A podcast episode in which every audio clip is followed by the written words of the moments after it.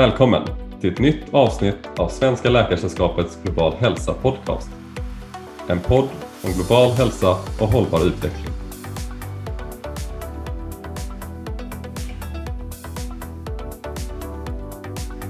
Vi som ni hör i dagens avsnitt av podden är jag, Sixten Åhlén, läkarstudent i Lund. Jag Hedda Ottesen, AT-läkare i Norrköping och doktorand i global hälsa vid Uppsala universitet. Detta avsnitt är ett i en serie där vi riktar in oss på valet hösten 2022. Vi gör det genom samtal med personer med olika roller inom det svenska global hälsa-landskapet. För att få en bred uppfattning om hur vi som samhälle kan ta sats för förbättrad hälsa i ett globalt och lokalt perspektiv. Med hjälp av våra gäster vill vi se hur politik och global hälsa hör samman samt lyfta den politik som krävs för en bättre och mer jämlik hälsa här i Sverige och i världen.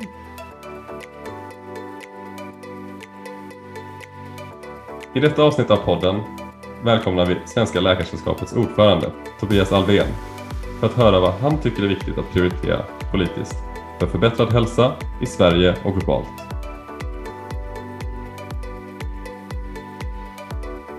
Dagens poddavsnitt spelades in i maj 2022. Ett varmt välkommen Tobias, jättekul att du är med oss i Global hälsa-podden idag. Tack så mycket. Eh, kan inte du berätta om dig själv och hur ditt ideella engagemang för hälsa började? Eh, jag kan börja med mig själv. Tobias Alven heter jag. Jag är ordförande för Svenska Läkarsällskapet sedan eh, ganska precis två år tillbaka. Eh, jag blev omvald till två år till nu förra veckan på fullmäktige. Det ska bli jättespännande att få fortsätta med ideella engagemanget som ordförande för Svenska Läkarsällskapet och jobba med kollegor runt om, framförallt i Sverige men även runt om i världen kring att förbättra hälsan för oss alla. Det är ju målet med vår verksamhet, allas bästa möjliga hälsa. Eh, till vardags så jobbar jag som barnläkare på Saxiska barn och ungdomssjukhuset i Stockholm och som docent i global hälsa vid Karolinska institutet med fokus på global barnhälsa. Eh, det är det professionella. Annars så är jag gift och har två barn eh, som är 14 och 11. Ja, det är kortvarianten, så finns det massvis mer att säga. Och den andra frågan, hur började mitt ideella engagemang för hälsa? Eh, det var från späd ålder tänkte jag säga, så fanns det ett intresse för internationella frågor och världen. Eh, det kanske började när jag lyssnade på kåldolmar och kalsippi, jag vet inte, eh, på skiva när jag var på förskolan. Jag var alltid nyfiken och var lite oklar på vad jag ville börja studera men kände till slut att läkeriet verkade bra men ville fortsätta och engagera mig och var under studietiden med och grundade Medicinstuderande för miljön och jobbade med miljöfrågor eh, och ett hälsoperspektiv då och var med i Studenter för Sarajevo under Jugoslavienkriget med flera olika engagemang. Men sen det riktigt ordentliga var när jag fick göra en sån här minor field study, ett stipendium, fick ta ledigt ett halvår och åka till Vietnam med en kursare och nu kollega och jobba eh, och göra ett projekt på ett litet sjukhus eh, eh, öster om Hanoi i Vietnam under några månader. Och då kände jag verkligen att men det här vill jag jobba mer med och liksom fokusera och mer koncentrera mig på. Så det var väl då det ordentliga engagemanget. Och sen har det fortsatt på olika sätt genom karriären parallellt med jobb och forskning. Spännande. Kan jag fråga, vilket projekt var det i Hanoi du gjorde det handlade också, det var på ett sjukhus som heter Wong Bi sjukhuset som ligger nära Halong Bay. Och det var det första Eh, biståndsprojektet från Sverige redan under Vietnamkriget började man planera för det här från svensk sida att ett, ett sjukhus skulle ju Sverige kunna bidra med. Så det var svenska byggnadsarbetare som åkte till Vietnam för att bygga det där sjukhuset. Jag är fortfarande lite förvånad över att man liksom inte hade de från Vietnam som byggde sjukhuset med kanske hjälp från Sverige. Men det var så bistånd funkade på 70-talet, vilket var spännande att se. Så eh, Sjukhuset var byggt som ett svenskt sjukhus på 70-talet och alla rummen kändes ungefär inrätt med Ericsson-klockor och IKEA-möbler. Och spännande att se. Och sen så var själva projektet också om hur eh, miljö och hälsa hängde ihop eh, i närheten av ett stort kolkraftverk där, hur det påverkade befolkningen. Och sen var vi med, med vår handledare i Vietnam, doktor eh, Na, var barnläkare, så var vi ganska mycket med henne på barnkliniken där också och fick vara med henne. Väldigt, väldigt spännande och fantastiskt att kunna komma ut på det sättet. Och jobbat vidare i Vietnam sen senare, både eh, med forskning nu och bodde där sen senare i tre år och jobbade för FN med hiv-aids-frågor. Verkligen spännande. Det känns som att vi skulle kunna göra ett till avsnitt om, om eh, eh det projektet. Eh, får jag också fråga, vad, vad forskar du på idag då? Idag så är min, eh, mitt forskarteam om global barnhälsa och då definierar vi det egentligen som liksom global i det perspektivet att det är framförallt eh, barn i fattiga kontexter. Och då forskar vi allt ifrån övergripande frågor som Agenda 2030, de globala målen, hur andra sektorer påverkar barnhälsa Eh, och försöker få in det och tittar bland annat lite mer specifikt på klimatförändringar. Gjort en stor litteraturstudie med en av mina doktorander och sammanställt all litteratur om just barn och klimatförändringar. Väldigt spännande och väldigt eh, lärorikt. Till mer fokus på att titta på förlossningar och barn som inte andas, alltså asfyxi i samband med födelsen. Hur kan man hjälpa dem att komma igång och andas bättre? Utvärdera något som heter Larionsmask. Det eh, ser ut som en liten tesked som man stoppar ner i halsen istället för att intubera eller använda mask och blåsa. Så ett enklare sätt tror vi. Vi har gjort stora studier i Uganda och nu på förberedande studier i Vietnam kring det här. Men sen även infektioner tittar vi på, en ny diagnostik. Eh, och då tittar vi både här i Sverige och i bland annat Uganda. Här i Sverige har det varit luftvägsinfektioner och i Uganda har det varit hjärnhinneinflammationer. Ja, vad kul att eh, vi får ha en, en ordförande som är så Eh, ja, engagerade i global hälsa. Det gillar vi ju från Global hälsa-kommittén eh, och vad roligt att vi får vara kvar där i två år till. Det är vi glada för. Det är jag själv glad för, för det är en fantastisk eh, organisation, förening att jobba med. Och det finns en enorm bredd i det vi gör eh, och det är så viktigt för hälsa och sjukvård Eh, är viktigt att man har spets i det man gör, både som kliniker och så när man jobbar. Men att man även ser bredden i det hela och ser att vi måste jobba på olika arenor och tänka på olika sätt. Precis, och eh, om vi då tittar på liksom Sverige eh, så, så är vården i Sverige upplevs som pressad på, på många nivåer och sätt. Eh, och vad, vad, vad tänker du om vilka är de största utmaningarna som du ser det? Först tycker jag det är jätteviktigt, som du var inne på lite grann, att eh, det finns eh, stora svårigheter inom svensk hälso och sjukvård. Vi måste göra mycket för att förbättra den. Men ser man ett globalt perspektiv och ser ändå vad svensk hälso och sjukvård levererar så har vi världens eh, lägsta barnadödligheter, väldigt, väldigt låg mödradödlighet, bra medellivslängd och många mår ganska bra i Sverige. Och det ska inte ta bort de problemen vi har med psykisk ohälsa och med att man inte får eh, tid till läkaren i tid och långa väntetider på akutmottagningarna. Men det är ändå viktigt och det är också många på något sätt, man läser bara om krisen i sjukvården, hur det egentligen är att jobba som läkare. Det är fantastiskt att få jobba som läkare i Sverige, eh, de absolut flesta gångerna. Och ibland slår man ju huvudet i väggen och bara undrar över liksom när datorn hänger sig för femte gången och ingenting funkar och det är för mycket barn på akuten. Men jag tycker det är viktigt att vi liksom inte bara målar i svarta färger hela tiden. För det är farligt också på något sätt, utan väldigt mycket fungerar och det är väldigt mycket duktiga kollegor. Och då menar jag kollegor, inte bara läkare utan alla som jobbar inom hälso och sjukvården.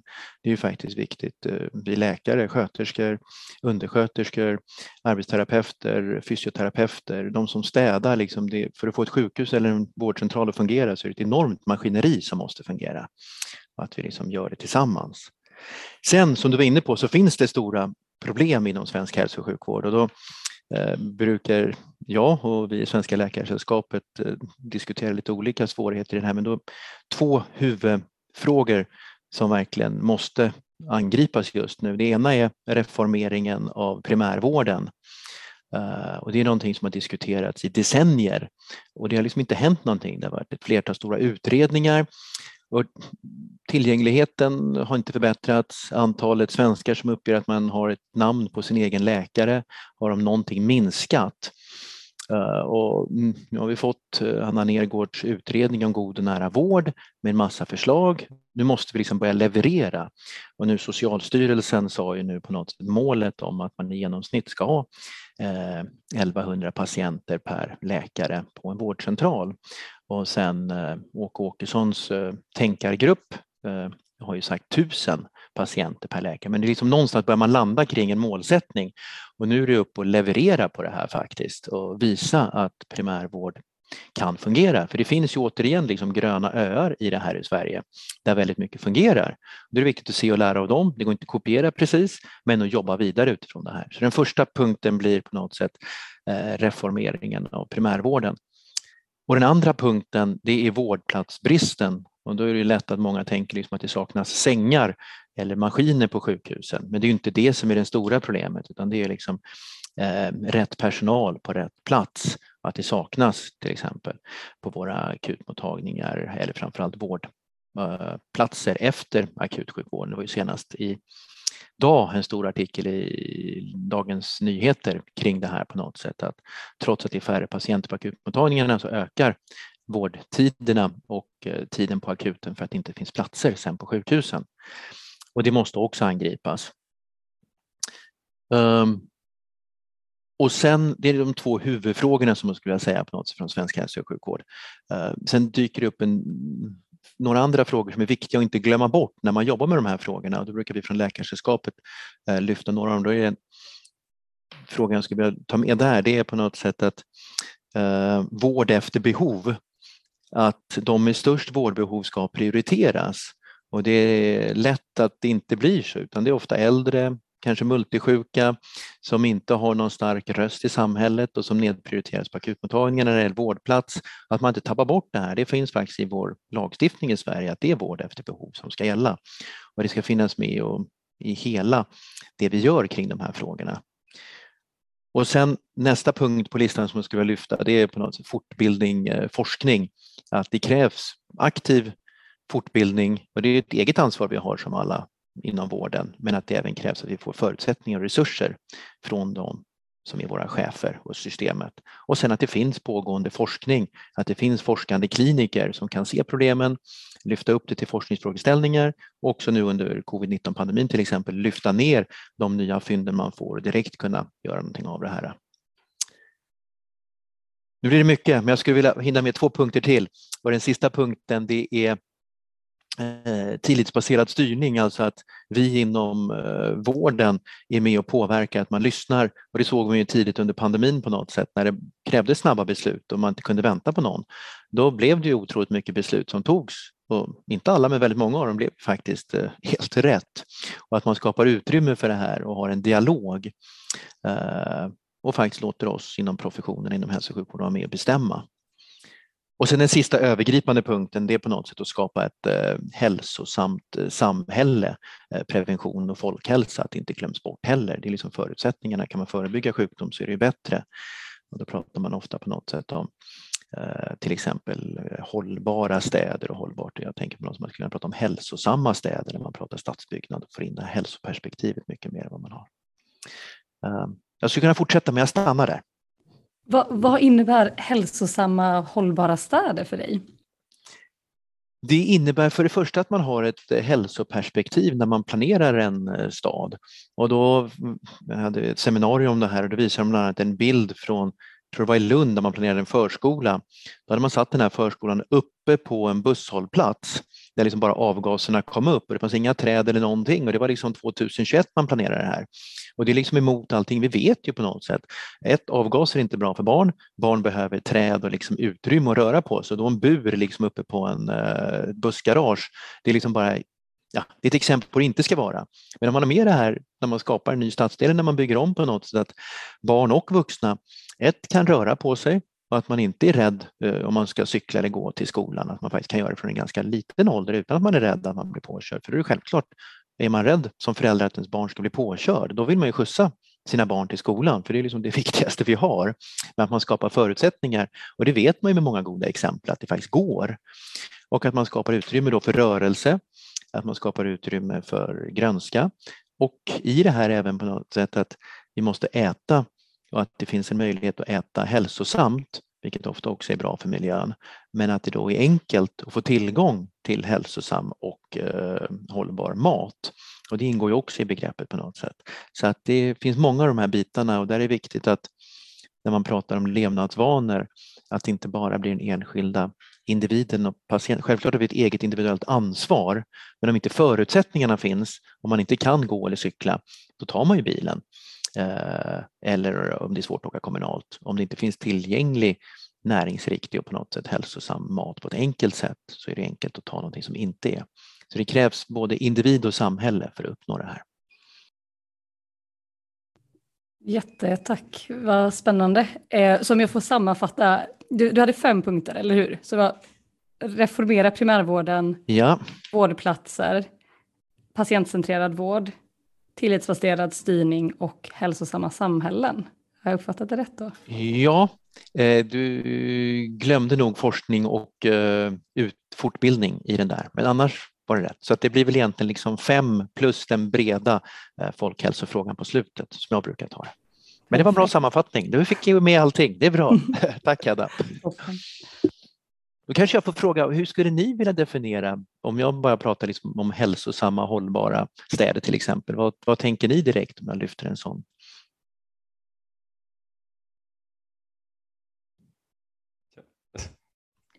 Ja, Sixten, du Nej, kör du först. Jag tänker ett, ett, ett samhälle där man eh, både känner frihet och eh, liksom en meningsfullhet i sin vardag där, eh, där man uppskattar människorna runt omkring en eh, och att man känner att man är liksom en del av något eh, av ett, av ett positivt samhälle och där man har en social gemenskap och liksom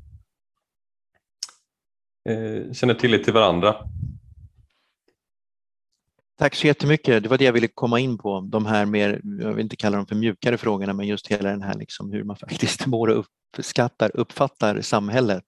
Eh, och nu tog du dem istället, för det är en viktig bit också, att det inte bara blir de hårda frågorna utan de finns med de här. Så. Tack! Hedda, hade du någonting att tillägga? Ja, nej men jag tänkte koppla i lite av det du pratade om. Jag tänker att vi alltså generellt när man bygger samhällen, att, att ha hälsa och välmående som mål. Eh, både när man liksom ska förändra samhällen, alltså i samhällsbyggnad, men andra typer av projekt i samhället. Att man ska liksom fokusera, vad, vad kommer det här ha för utfall på hälsa eh, och välmående? Eh, vilket gör att det blir naturligt att vi kopplar ihop eh, ekologi och sociala omständigheter Eh, och att ekonomi då blir ett medel för att nå hälsa och välmående snarare än tvärtom. Eh, och det vet jag bland annat här i eh, Region Östergötland där jag jobbar just nu då, så har ju Margareta Kristensson jobbat en del med det här hälsokonsekvensanalyser eh, och att man ska göra så här hälsokonsekvensbeskrivningar av olika samhällsprojekt vilket eh, inte har kommit vidare till högre nivå än, men det är en väldigt intressant tanke. Fantastiskt spännande och återigen försöka få in det där. Sätter man människan, och då blir det ju hälsa och välmående som du sa på något, i centrum av det vi gör, för det är ändå det som är det, är det viktigaste och allting annat är ju egentligen medel för att nå fram till det på något sätt. Vi ska kunna leva goda eh, liv och då är ju hälsa en viktig bit på något sätt, Sen välmående, att man inte glömmer bort den. Att det inte bara blir liksom mäta återigen det som är lätt att mäta utan det är mer än det. Och då är det spännande det som har hänt och det som sker i Östergötland och försöker på något sätt göra verklighet av det här, att det inte bara är fina ord utan precis hur man får det här att hända. Men jag tror att det tankesättet är väldigt spännande och det är någonting som man eh, skulle kunna ta med sig mycket mer allmänt i politiken men även andra delar i samhället tror jag. Absolut. Och det kopplar i ganska bra till eh, vår nästa fråga. Eh, så I september i höst, eh, alltså 2022, så är det ju val i Sverige. Vilka är de viktigaste insatserna som kan göras för bättre och mer jämlik hälsa i Sverige? Vilka förslag vill du se högt upp på den politiska agendan? Nej, då är det, om vi går tillbaka till de här fem plus en punkterna som jag beskrev förut så är det, på no, eh, då är det att jobba med dem konkret. Och då tycker jag det blir jätteviktigt att det blir lätt att när man diskuterar politik i Sverige så blir det antingen på nationell nivå eller på kanske kommunal nivå. Men vad det gäller hälso och sjukvården så är det faktiskt regionerna som bestämmer här.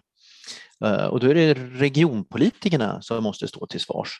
Och sen är det här jättekomplexa frågor, det finns inga enkla svar. Om man bara hade något enkelt svar på det här så skulle man göra det här mer. Men det krävs en, en inriktning från alla regionpolitiker att vi faktiskt är överens om det här. Jag tror att många på något sätt, hur ska vi reformera primärvården så att vi uppnår god och nära vård nu.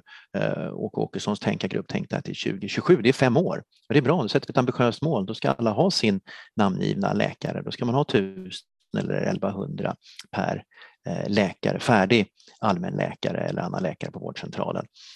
Och då får vi börja jobba mot det och då har vi på något sätt ett tydligt mål. Hur ska vi göra verkstad av det här? Och då, om regionerna kan på något sätt enas kring det här och då kan varje region börja ta fram handlingsplaner. Okej, okay, det här är fokus för vår primärvård. Nu ska vi se till att det här blir verklighet.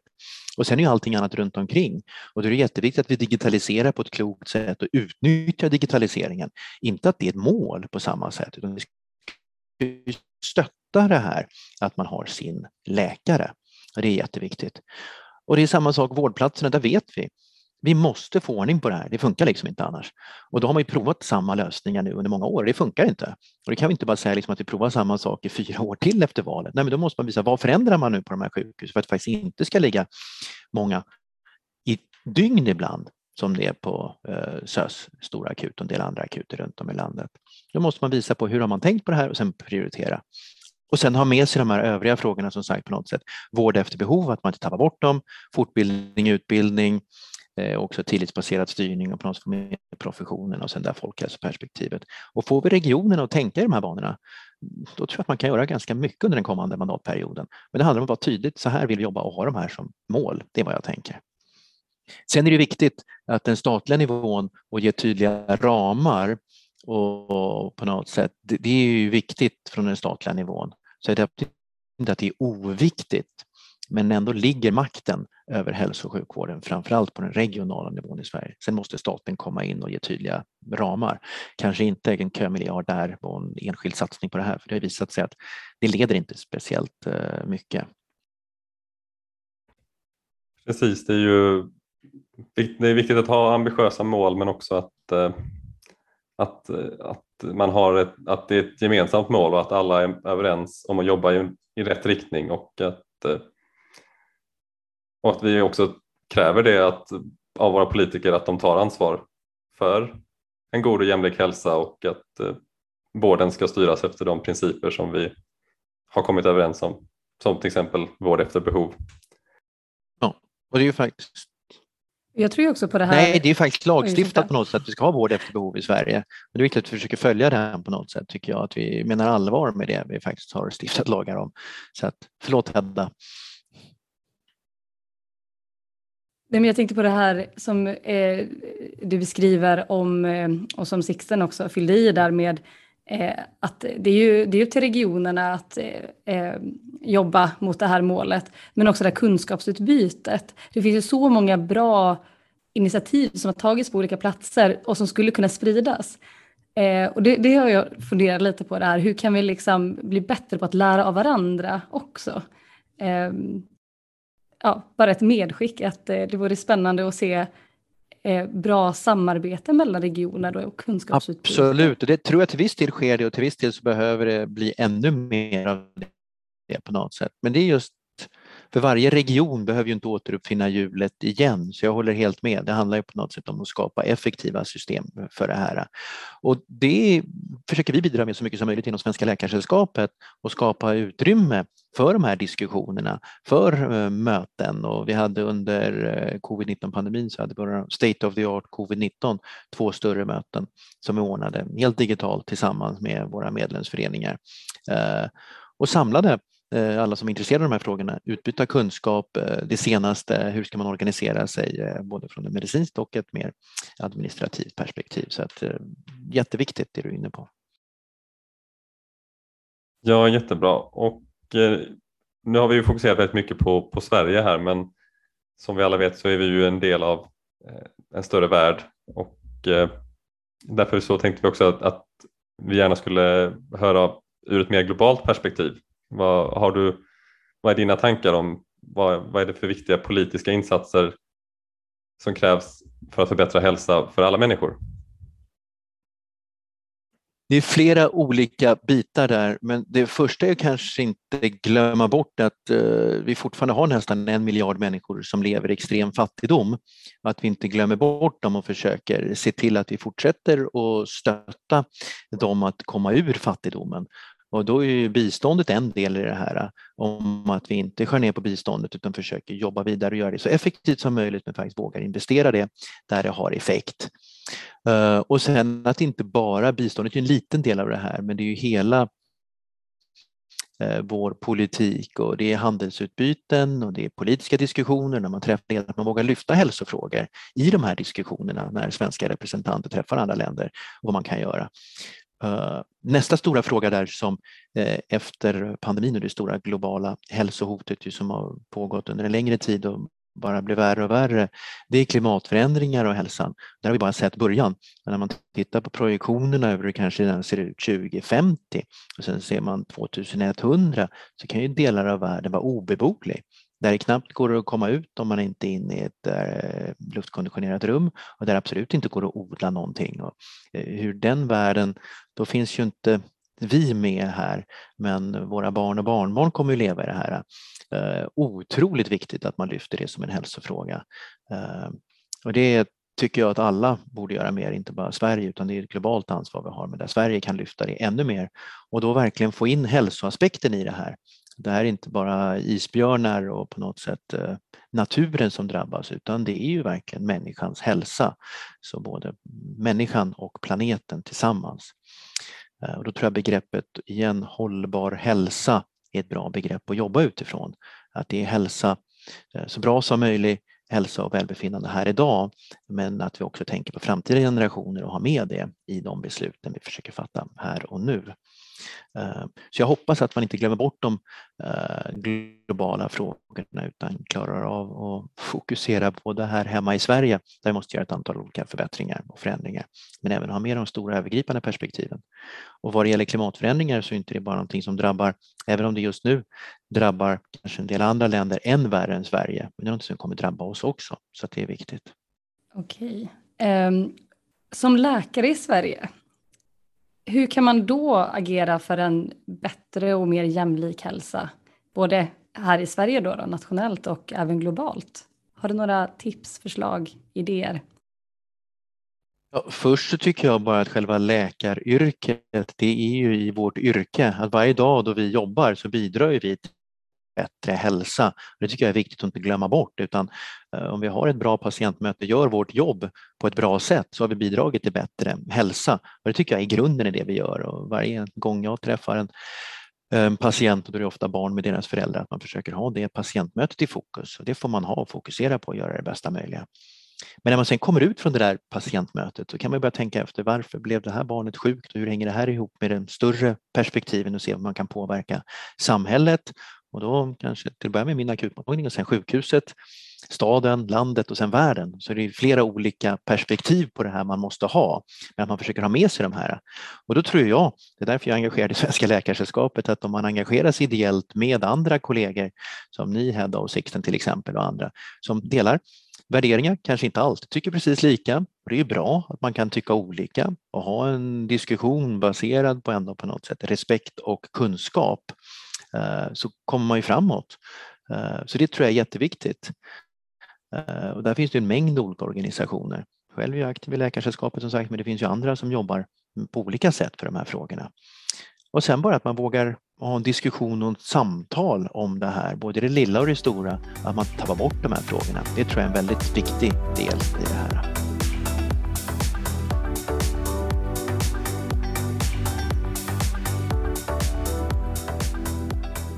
Nu börjar vår podd röra sig mot sitt slut. Eh, men vi brukar försöka lägga in några snabba frågor bara för att vi ska få lära känna vår gäst lite mer personligt. Även om vi redan fått veta lite om, om din bakgrund så har vi några tre snabba frågor här. Och den första är då eh, utifrån ditt arbete med Svenska Läkaresällskapet. Vilket är ditt bästa minne? Oj, det är en jättesvår fråga. Jag har faktiskt väldigt mycket bra och positiva minnen från mitt eh, arbete med Svenska Läkaresällskapet och alla kontakter med kollegor runt om i hela landet.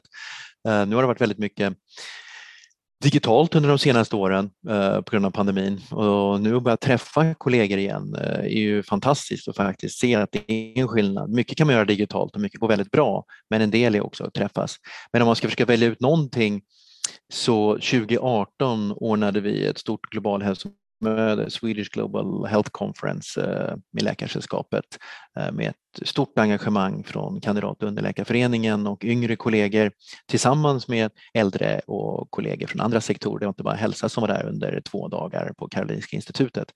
Och det var verkligen två sådana här dagar bara fyllda av möten, inspiration, eh, nya tankar och ja, verkligen om man ska välja ut någonting kanske är det, men det finns många olika. Vilket var ditt drömjobb som barn?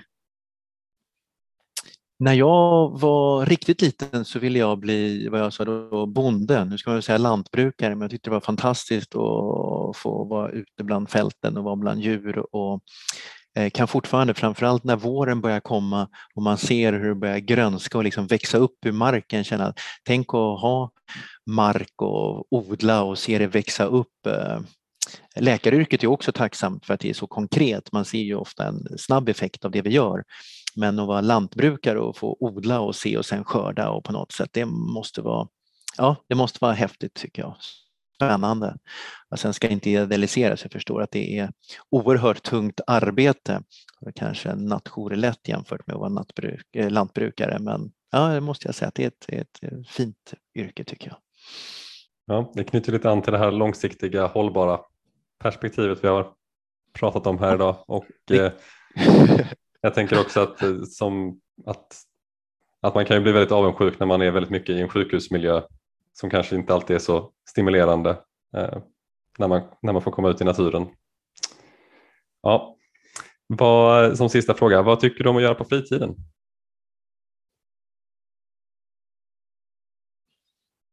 Det kommer tillbaka till det. Jag tycker väldigt mycket om att komma ut i naturen. Jag gör alldeles för lite, men att komma ut i naturen med familjen och, och vara där. Och drömmen är alltid att på något sätt få komma ut en snörik dag och åka lite skidor och sätta sig och dricka kaffe och varm choklad och en macka med familjen. Det tycker jag är en dröm.